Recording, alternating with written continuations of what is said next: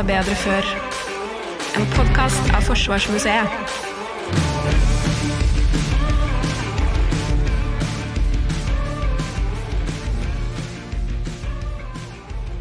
Velkommen tilbake til del to av episoden vår om Nansen som humanitærarbeider og diplomat. I denne episoden skal vi drøfte noen av de vanskeligste aspektene av Nansens liv, nemlig hans assosiasjon til fedrelandslaget og hans syn på datidens raseteori. For hvordan kan det ha seg at Nansen engasjerte seg så sterkt på vegne av etniske minoriteter og flyktninger, samtidig som han leflet med hodeskallemålinger og sosialdarwinisme? Dette er uhyggelige spørsmål, men jeg håper vi lufter dem på en avbalansert og god måte.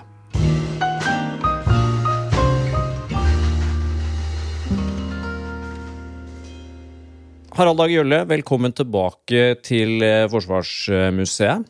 Takk for det. Vi slapp tråden i forrige episode hvor Nansen fortsatte sitt arbeid i Russland med Vidkun Quisling som sin sekretær. Nansen ville egentlig holde på med vitenskapen, sa han, men det kom altså nye oppdrag på løpende bånd. Og en av de tingene Nansen ble kobla på nå, det var altså krisen i Lilleasia. For der hadde altså Osmanske riket gått dukken under krigen, og det var et nyoppretta Tyrkia. Og de hadde vel starta Eller Hellas. Og de havna vel i krig umiddelbart etter første verdenskrig, og nå var det masse flyktninger. Ja, og du hadde mye fordrevne eh, folk altså gre med gresk avstamning som bodde i Tyrkia, som da var på flukt. Spørsmålet var hva, hva skal skje her, hvordan kan man løse opp i denne, i denne floken? Og noen som ble kobla på og var med i, i, forhandlinger Dette var jo altså i, i 1922. Uh, og, og, hadde jo et, et, forslag på å rett og slett folkeflytninger. Altså at de som var etnisk eller uh, tyrkere eh, som bodde i greske områder, skulle da bytte plass med det som var gresk, etnisk greske i Tyrkia. Så det er klart at sett med våre øyne da, så er det jo en form for etnisk homogenisering eller rensing, eller hva du skulle si, men dette var liksom en, en løst, veldig pragmatisk løsning for å, at folk skulle liksom reise tilbake til sine opprinnelige hjem på et eller annet vis, selv om det var, var veldig lenge siden. Men, men det var iallfall og tok konkret eh, ansvar eh, og i en vanvittig flyktningsituasjon som eh, ja, og, og, det var vel også ikke å ta munnen for full når man sier at det var en potensielt folkemord? Ja, ja, definitivt. Og Nansen, ja, og Nansen er jo knallkritisk i forhold til, det, altså, i forhold til tyrkernes behandling av Spesielt av armenerne. Folk, han brukte, om han bruker betegnelsen folkemord, men, men det, i alle fall forstås som eh, dagens forståelse av, av folkemord. Så han var jo veldig, veldig, veldig kritisk til, til det tyrkiske regimets behandling av, av uh, ulike etniske grupper. Og deriblant armenere. Mm. Ja, han, han, var i Aten og prøvde å prate med de, og var også i Tyrkia og prøvde å prate med de. Var ikke veldig imponert over uh, tyrkerne? Nei, han er, ikke, han er ikke det. Definitivt ikke. Nei, den, og særlig den boka som han skrev som heter 'Gjennom Armenia', som kom ut i 25-26, så er det et, det er et ja, voldsomt, voldsomt kritisk til, til uh, tyrkerne. Men han engasjerte seg også i Armenia-saken, altså? Det var mye armenere som da var eh, på, på, på, flukt, for så vidt i hele Europa. Eh, og det var oppretta en armensk republikk som en del av Sovjet, men, men, ambisjonen var jo at det skulle være veldig sånn selvstendig. Det ble jo ikke situasjonen, da, men, men, men det var eh, Og Nansen var der i 1925 og så på muligheten bl.a. for et svært område for, der det skulle nydyrkes og kunne etablere eh, bosetninger. Der armenske eh, flyktninger kunne komme tilbake og, og, og, og bosette seg. Han, han, var der både i Altså han var der i 25 på en reise Blant annet med Vidkun Quisling var med på den, på den turen. Eh, og det gjorde jo eh, ja, Han ble jo kritisert for så vidt, tror jeg nok med rette, at han, at han eh, var litt naiv i forhold til muligheten de eh, Armenia skulle få til å være en selvstendig republikk. altså Dette ble fort innlemma i Sovjetunionen. og og sånn. Og, og, em, men ikke desto mindre så har han den dag i dag en voldsom eh, anerkjennelse og respekt i Armenia. Så det det? er ingen plass han, han står så sterkt, kanskje, som, som, som, som der. Ja, for det, det er jo klart en, en liten stat i Armenia i dag, men jeg tror den staten som var snakk om da, var mye, mye større. Ja. Eh, og det var snakk om å flytte igjen, flytte eh, armenere fra andre land i Europa inn der. Hva tror du Nansen tenkte om multietniske samfunn, egentlig? Var han, tror du han mente at det var greiest at uh, Ja. Man hadde mange små nasjoner, Med relativt like folk? Ja, det, det tror jeg definitivt. Eh, og han har jo en, nok en veldig sånn klar forestilling om at, at, at folk og nasjon skal være så likt som, som mulig. For han var det helt logisk at, det, at innenfor en, en statlig avgrensning der skulle det bo grekere eller turkere eller armenere eller nordmenn. Eller, altså det, det, var, det, hang, det skulle gå opp så godt som, som mulig. Det var nok eh, definitivt tilnærminga. Nansen hadde jo hatt med seg to samer på ski over eh, Grønland Uh, i sin tid. Var, tror du Nansen syntes det var noe problematisk at det var minoriteter i Norge som sådan? Det, et, det var et godt formulert spørsmål. Eh, For å ta det med at de, Årsaken til at de var med, det var en sånn Det var litt hastverk og litt eh, forståelse at Norden sjøl hadde gjort. Den svenske polfaren hadde brukt og skrøt veldig at de var flinke til å finne fram og var naturfolk. og alt. Så det var liksom en del av utrustninga. Så det var litt tilfeldig at, at, det ble, at, at de ble med. Eh, Han problematiserte nok ikke det at, at det var noe eh, vanskeligheter. At det, var, at det, at det bodde samer innenfor det norske eh, eh, området. Og han var heller aldri noe Han diskuterte jo heller aldri eh, altså Hvis du tenker på fornorskinga som, som var i perioden, han, han var liksom aldri eksplisitt inn på det.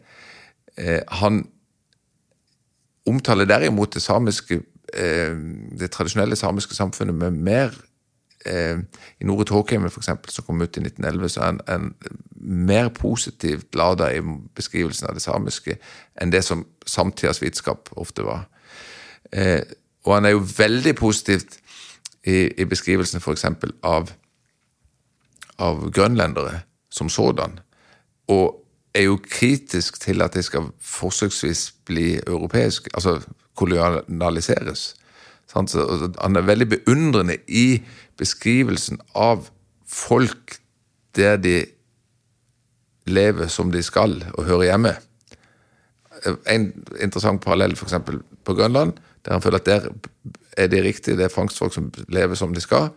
I Russland, når han beskriver de russiske eh, arktiske minoritetene, som er delvis eh, blitt russiske og liksom tatt inn i, i storsamfunnet, og med de negative konsekvensene med fyll og med mange ting sånt, så er han jo veldig mye mer sånn nedlatende i beskrivelsen av russerne enn han er f.eks. av inuittene. Så, så, så han har respekt for folk og urfolk som lever sånn som de alltid har gjort og skal gjøre. Sant? Og i det ligger det jo en, en, en form for, kan du godt si, en form for um, romantisering, en form for en rasisme, i den forstand at du, du tror egentlig ikke de kan tilpasse seg det, det moderne samfunnet. Sant?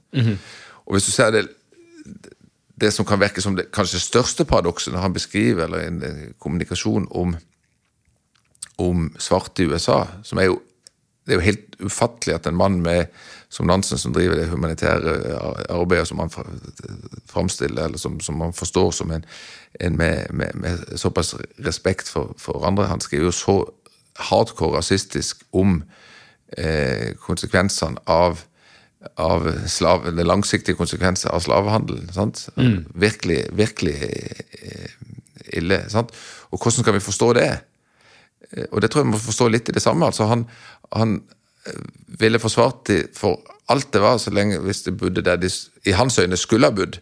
Men nå på en måte den kom i et samfunn, det moderne amerikanske samfunnet som de egentlig ikke hører hjemme, i hans forståelse, så, så, så er det noe som ikke passer. Så, så, han, han har en sånn oppfatning at respekten er veldig knytta til den opprinnelige samfunnsstrukturen hos et folk.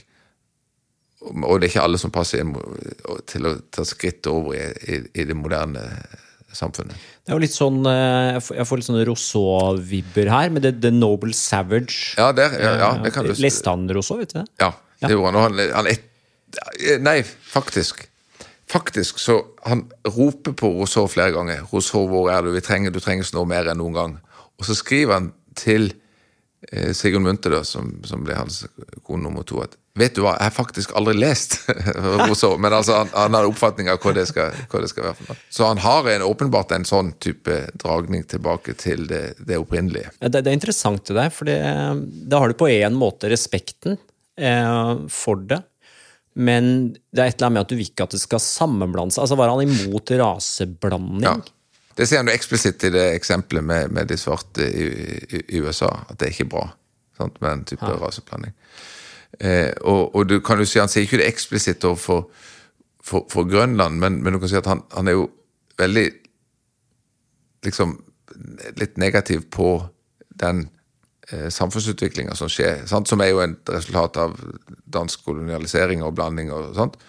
Eh, noe av det argumentet er gjort fordi at altså Helt rasjonelt. altså du, du, de, hadde vært, De hadde levd bedre i sin gamle eh, tradisjonelle form, der de flytta og flytta etter viltet. Nå blir de bofast, og de overbeskatter. Og, al- al- altså, noen er jo sånn type rasjonelt, men det ligger litt under at det er at, at det ikke er helt eh, altså Han ville ville jo aldri trodd at en inuitt eller en grønlender kunne flytte til Europa og blitt liksom Så, så, så det er jo en, det er jo et det er jo et rasehierarki i forståelsen av hvem som er best tilpassa det moderne samfunnet. Eh, uten, og det er et veldig viktig poeng, uten at det blir brukt som et argument på at den på en måte som er kommer lengst, er rett til å utøve vold mot de, de som er, som er i handforståelse. sant? Så, så det, det blir ikke brukt eh, aktivt til å til å, altså Man bruker jo begrep som sosialdarwinistisk, som, som ligger en forståelse av at, at, at da betyr at man da har rett til en samfunnsutvikling.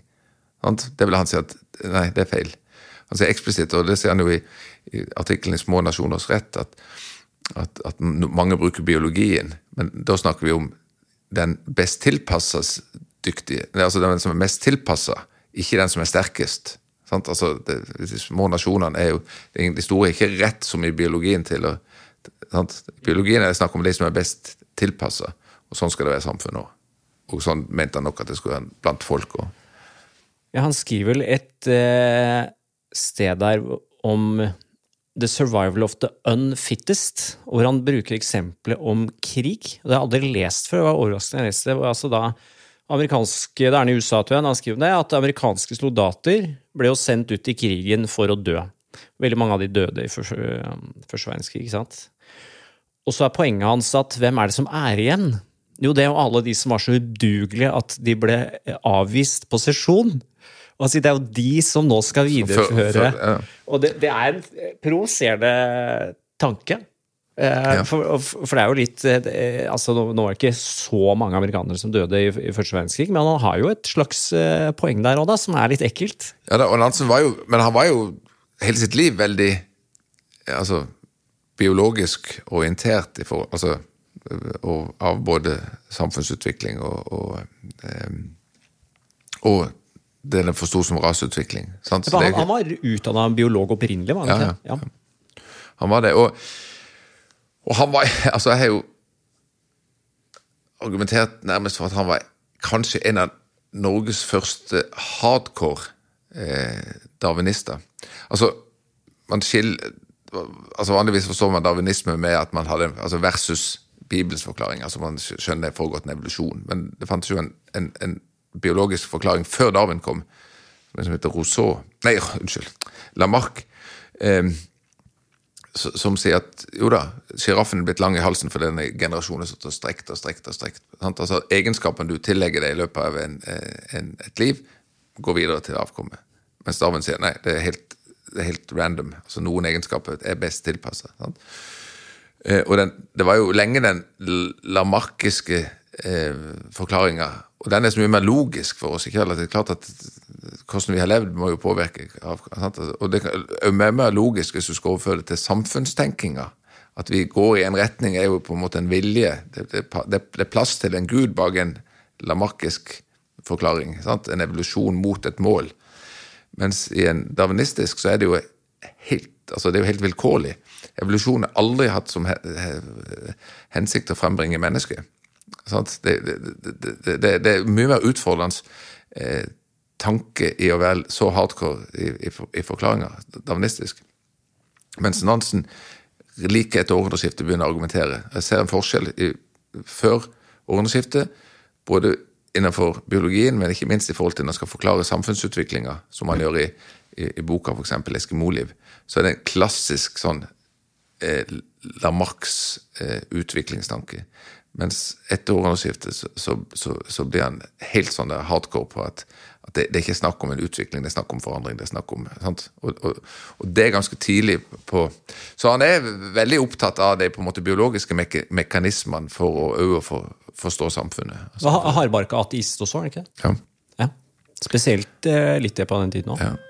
Og han var Ja, og, og det, det, det er jo et spørsmål han blir mer og mer opptatt av på, på slutten av livet. altså, som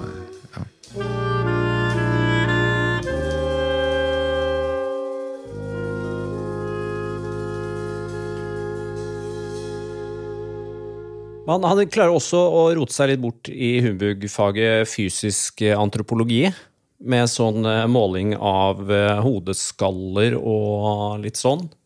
Ja da, og han Men det, han gjør jo alle noe altså sjøl. Han jo noe, gjør jo ikke noe verken måling eller sånt på det sjøl, men det er jo en, en del av, av, av tidas, tidas, vitenskap. Og han Det er kanskje ikke så mange som er klar over, men han var jo av alle ting så var han jo altså ble Etter uh, første verdenskrig så ble det opprettet noe som heter eh, Instituttet for sammenlignende kulturstudier her i, her i Oslo. Eh, og de hadde et arktisk utvalg. Uh, og i det arktiske utvalget så var Nansen var leder for det. Og da var det jo og det gikk jo særlig da på, på samiske studier. Og, og, de planla jo en ekspedisjon innover Kola i, i, i, i Sovjetunionen som de aldri fikk innreisetillatelse til, så det ble ikke noe.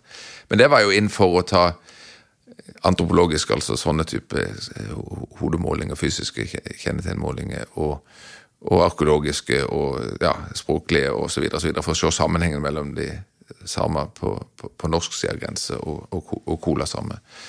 Eh, så da var han jo faglig involvert med, med de som, som et eh, datidas vitenskap som Schreiner osv., som drev med den type antropologi. Men, men, det er jo så lett. Det er jo en, en, av de tingene med å se verden gjennom krigen. Det er veldig vanskelig liksom å forestille Dette var jo dette var jo etablert vitenskap på den tida. Mens i dag så får vi alle mulige assosiasjoner knytta til, til en, en, Hvordan dette ble ja, veldig misbrukt, selvsagt, under, ja, ja. under, under krigen. Sånn at det, det, var en del av den etablerte, etablerte vitenskapen på, ja, det er det jeg syns er så vanskelig med den biten av Nansen. Da. For liksom, han har dedikert store deler av sitt eh, liv til å kjempe ulike minoriteters sak. Eh, han snakka også jødenes sak ved flere anledninger. Eh, når Norge ønska å gjøre hevd på deler av Grønland, eh, så var Nansen ute og uttalte seg i den debatten. Vil, vil, du si noe om det? Ja, det vil jeg gjerne si, for det er ganske interessant. Og det, viser som sagt altså, hvor vanskelig det er å få tak på Nansen.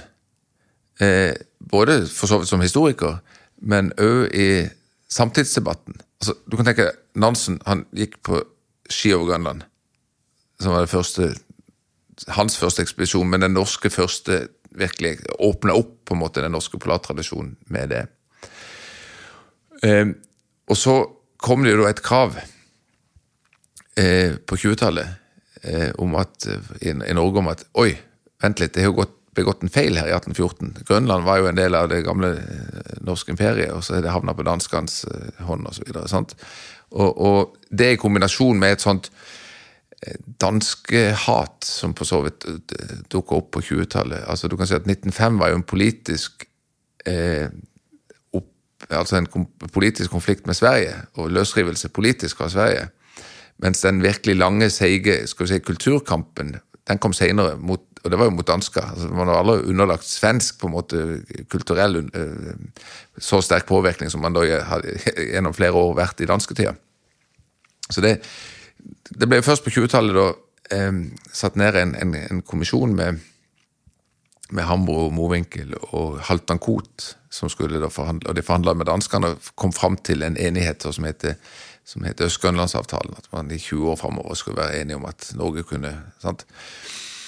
Eh, men kravet var der fortsatt til å mobilisere. Og, og, Nansen tror jeg lenge kvia seg. Det, og han ble jo forsøkt dratt inn. ikke altså, kunne tenke deg polarhelen fremfor noe. Han må jo komme ut og si at det, det, skal være norsk. Enten da, Det var jo to tilnærminger. Enten var det liksom en omkamp på hele Grønland, eller så var det en del av Øst-Grønland.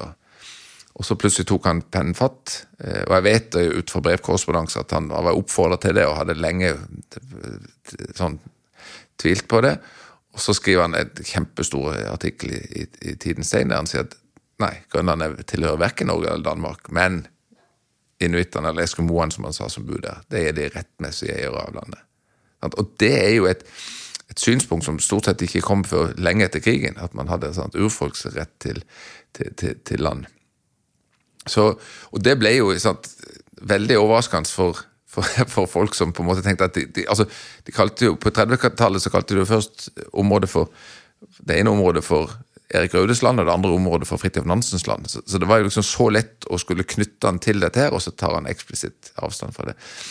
Og det tror jeg jo hans Det er mange grunner til det. ene er jo det han hadde opplevd på Grønland, og perspektivet om at dette var dette var ikke, dette, den europeiske innblandinga var veldig skadelig. Han, han, skriver jo der at det beste hadde jo vært om danskene pakka sine båter og dro hjem. Altså for, og lot, lot grønlenderen være for seg sjøl. Det var liksom det beste. Så, så, den ene, Men det andre er at han hadde ekstremt sånn der, en interessant tilnærming. at det der, altså Dette er jo det vi historikere kaller for ishavsimperialisme.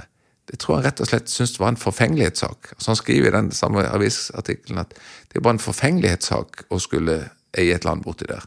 Det er viktig at det er åpent, ja, det er viktig at det er åpent både for nordmenn og dansker og vitenskap og alt sånt der, men det er det, altså Nordmenn bør heller flytte opp igjen på fjellbygdene sine istedenfor å dra til USA og bosette landet sitt, istedenfor å skulle begynne å okkupere, okkupere fremmedland. altså. Og jeg tror jeg ikke klarte å finne dokumentasjon for det, men jeg tror ikke han var så ivrig når det gjaldt Svalbard heller. For du kan si fredsoppgjøret etter, etter verdenskrigen sant? For da reiser jo nordmenn stort sett til Paris for å sikre seg Spitsbergen-avtalen.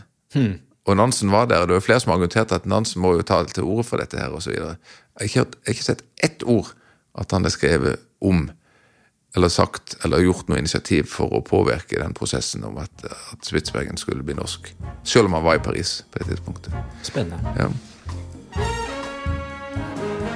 Vi på Forsvarsmuseet vil gjerne strekke en polvott ut til våre venner på Skimuseet i Holmenkollen. De har vært under oppussing og åpnet dørene igjen i går, faktisk, med nye, flotte utstillinger. Eh, de har en drøss med gjenstander knyttet til Nansen, men også til Amundsen og andre norske polfarere.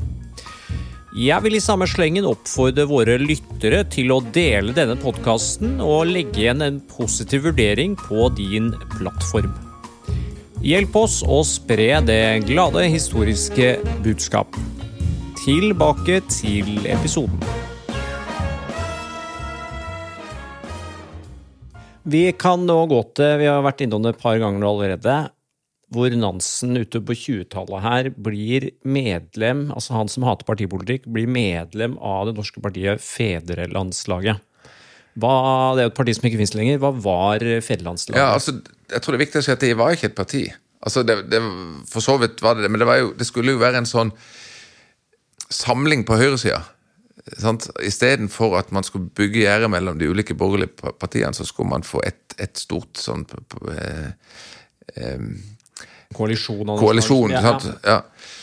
Han ble jo ikke med Altså, han var medlem av rådet, tror jeg det var det nærmeste. Altså, Det hadde jo et leder og styre og så videre, så videre, så hadde et råd. Så han ble liksom ikke Han var ikke veldig aktivt inn i, i, i, i forminga av det, men han var utvilsomt den som ble mest assosiert med det. og Han ble jo brukt for alt han var verd til å på en måte være en, en, en, en talsmann for, for, det. Og han dro på en del eh, foredragsturné med liksom federlands, eh, snakker, snakker federlandslagets sak. Men han så det nok først og fremst igjen det der at hvis man, her må man samles. Her må det ikke splides. Her må ikke Venstre slåss mot Høyre og Bondepartiet. Altså her må det på en måte eh, ha en felles stemme mot I realiteten mot den voksne kommunismen. Sant? Det var det han, han frykta. Og han var blant annet på en, en foredragsturné i eh, 1929 som var med, med cruiseskipet Stella Polaris, som var eid av eh, Bergens eh, Dampskipsselskap. Eh, som direktøren der heter Lemkull. Altså, og, og, sønnen var leder for fedrelandslaget, så han hadde fått far sin til å, lage en kombinert. Og det var en fransk avis pga. Roald Amundsen hadde jo forsvunnet med et fransk fly, eh, Latam. Så det var kombinert med franske turister som skulle opp og kaste eh, krans i havet eh, nord for Lyngenfjorden, etter der liksom siste vrakrest var funnet av, av Latam og kombinert med Nansen som stoppa i Værhavn og holdt eh, foredrag. Og det var jo sånn at for I Bodø var det midt på natta, for det var da det var stopp med den nei, med den eh, cruisebåten. Så det var ute holdt foredrag for masse folk på kaia i Bodø om, om. Men når de da kom til Hammerfest, så syns jeg det er en veldig interessant aviskommentar. Sant? For det er veldig, Borgerlige aviser de heier jo på dette helt vilt, og de radikale avisene var jo mot det. Og, og som han de skrev i eh, Arbeiderpartiavis i Finnmark, så sto det at, at eh, foredragsturneen eh, med liksom Stella Polaris og sånn med Federlandslaget er samtidig eh, gravferden for humanisten Fridtjof Nansen. Eller den, folk, altså den der humanitære Fridtjof Nansen. Så det, er jo et veldig sånn, tydelig eksempel på? Som jeg sier, han var Hans initiativ overfor Russland begeistra venstresida, så kommer federlandslaget, så var det igjen kritikk. Altså? Sånn, veldig vanskelig for så vidt å, å få tak på av, av samtida. Mm.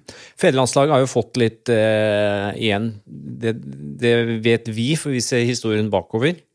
Eh, de har jo fått litt sånn NS-stempel, nærmest. Hvor, hvor brunt eh, var federlandslaget egentlig? Nei, eh, jeg husker ikke tallene, men er det, var det er det to tredjedeler av medlemmene som meldte seg ut i 33 av federlandslaget. Sant? Um, sånn at, um, at det har jo ikke den altså, Det skjedde jo veldig med 33 og Hitlers maktovertakelse osv. Så, videre, så så skjedde jo veldig mye på, på, på de, de, fascistiske partiene. Sånn at, at, at, på en måte kjerne der, det var veldig sånn knytta opp mot økonomisk eh, styring. ikke eller Borgerlig økonomisk politikk og samling. Sant? Sånn at jeg tror nok politisk at du Hvis du, hvis du ser og, og, og, analyserer det i, i samtida, så tror jeg nok at, at det er relativt lite som, som, eh, som, minner om det som Eller etterfølgeren som blir eh, nasjonalsamling. Ja, det var vel også at Quisling, en av grunnene til at han starta Nasjonalsamling, var at han ikke ville være med i Fedrelandslaget. Han likte ikke den koalisjonsideen. Ja. Det var ikke radikalt nok, tror jeg, for, for han. Nei. Nei da, og det, det, er jo, det, er ikke, det, er jo, ikke, et fascistisk parti på noen måte. Mm. Og jeg tror jo Jeg tror jo det at eh, det er vel um, Altså, det, var vist og sagt at, at egentlig så er det eh, Det er sønnene av 1905-generasjonen som blir med i NS. Altså, det er ikke det gamle altså, det, er, det, er, det er en demografisk sammenheng der òg. Altså, de eldre, Mikkelsen, Nansen osv., de, de ble ikke den generasjonen ble ikke en del av, av, av NS, men, men generasjonen etter.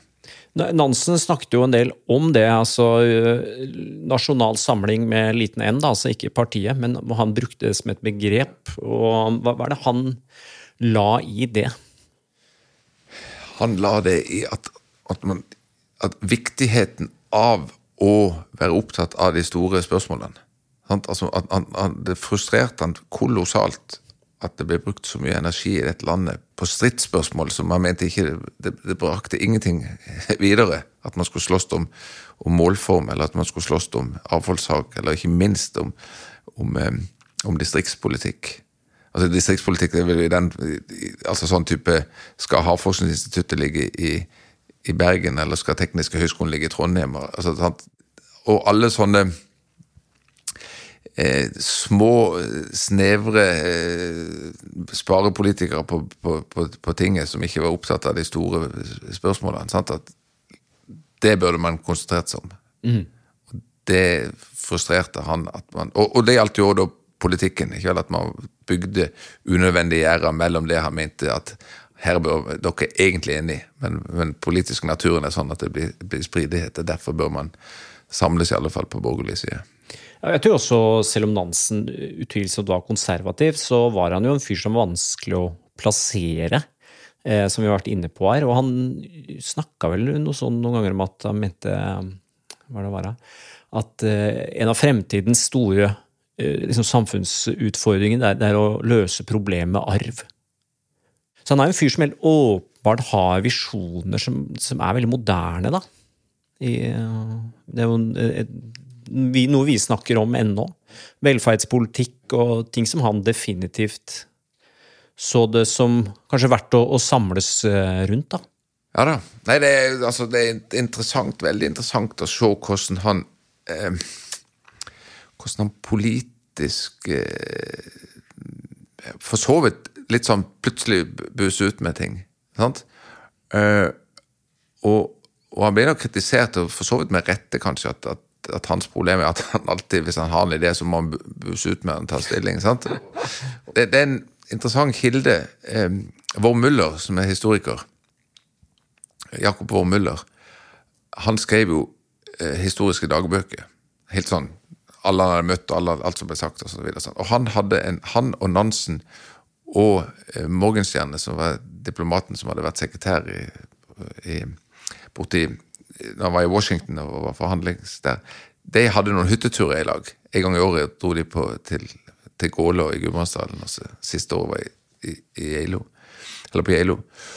Og der skriver han vår Muller veldig mye om karakteren Nansen. Altså hvor han sånn og sånn. Og liksom alt fra at han er jo litt sparsom og kjip og drikker nesten ikke og alkohol og spiser lite mat. Han syns nok vi yngre er litt sånn levemenn. Og, altså, utrolig masse sånn. Og hvordan han bli fri når han kommer opp i fjellet og liksom får lagt den her, alt stresset fra russiske eh, steppene bak seg og blir som en speidergutt som leker. Alt, Kjempeinteressant innblikk i det. Men han skal jo blant annet, han leser jo nesten aldri aviser. Han følger jo ikke med. altså Han, han har masse sånne ja, altså Han har en del sånne påpekinger. Sånn, han mener ting og mener sånn og sånn, og så får han et innfall, og så skriver han om det. sant? Eller holde tale. Men, men, det er liksom ikke nødvendigvis basert på en sånn bred, djup analyse at dette har han lest, observert og tenkt mye rundt. Altså, det, det, er et sånn impuls på, på, en del ting han, han buser ut med. Mm.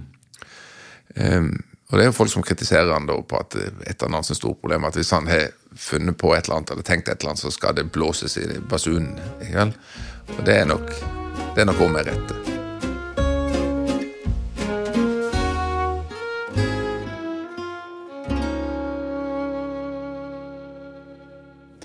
Når Nansen døde i 1930, så var Quisling raskt ute og skrev litt, eh, en artikkel som het 'Politiske tanker ved Fridtjof Nansens død'. Eh, hva var det Quisling prøvde å stjele av Nansen og, og bruke han til? Det er jo det at han prøver å, å, å liksom knytte Nansens Eh, knytte Nansen til sine egne tanker. Og det ble jo veldig kritisert i samtida. altså Det ble jo veldig vakt opp med negativ oppmerksomhet at dette var jo helt uhørt. Ikke? Dette er ikke noe Nansen sto for. Men jeg tror jo det fikk litt betydning for hvordan ettertida Altså det der oppfatninga at ja, ja, han var heldig som døde i 1930 og ikke hadde Hva hadde skjedd hvis han på en måte hadde levd etter 33, eller enda verre? sant? Så jeg tror ikke at han hadde verken blitt NS-medlem, og han hadde definitivt ikke forsvart et, eh, en, en, en, stor nasjon som Tysklands rett til å, til å gå til angrep på andre. Og han hadde hata alt som lukta av å gå i takt. Ja, jeg tror du også skriver i boka her at på um, en av de første talene han holdt for fedrelandslaget, så fremhever jo han igjen hvor han sidestiller dette med kommunismen og fascismen som to like farlige ideologier, og, og hvor han også sier at det er utrolig viktig at vi bevarer ytringsfriheten. Og han også sier at det gjelder også selvfølgelig kommunistene. Og han er jo ekstremt politisk eh, liberal. Altså, og, og, det er en tradisjon som kanskje ikke vi, vi eh, er så klar over, men det var jo f.eks. i forbindelse med spørsmålet om jødene sin tradisjonelle slaktemetode, så ta, går jo han som talsmann på at dette må de gjøre. Noe annet, altså argumentet, eh, Samfunnets argument var at dette var dyrevelferd. Det avfeide det er bare tøys. Dette er en form for religionsknebling. Og det er det viktigste. altså Vi må ha lov å liksom utøve vår religion, eller folk må ha lov. Så han er ekstremt sånn type politisk liberal på hva folk skulle få lov til og hva individets rett til å, gjøre, gjøre, egne valg. Og det havner seg utrolig dårlig med et, både et kommunistisk og et, et fascistisk eh, politisk eh, tilnærming. Mm. Nansen sovna inn i stolen sin på eh, Lysaker mai 1930. Jeg du prøve å sette ord på stemningen i Norge rundt, rundt Nansens død.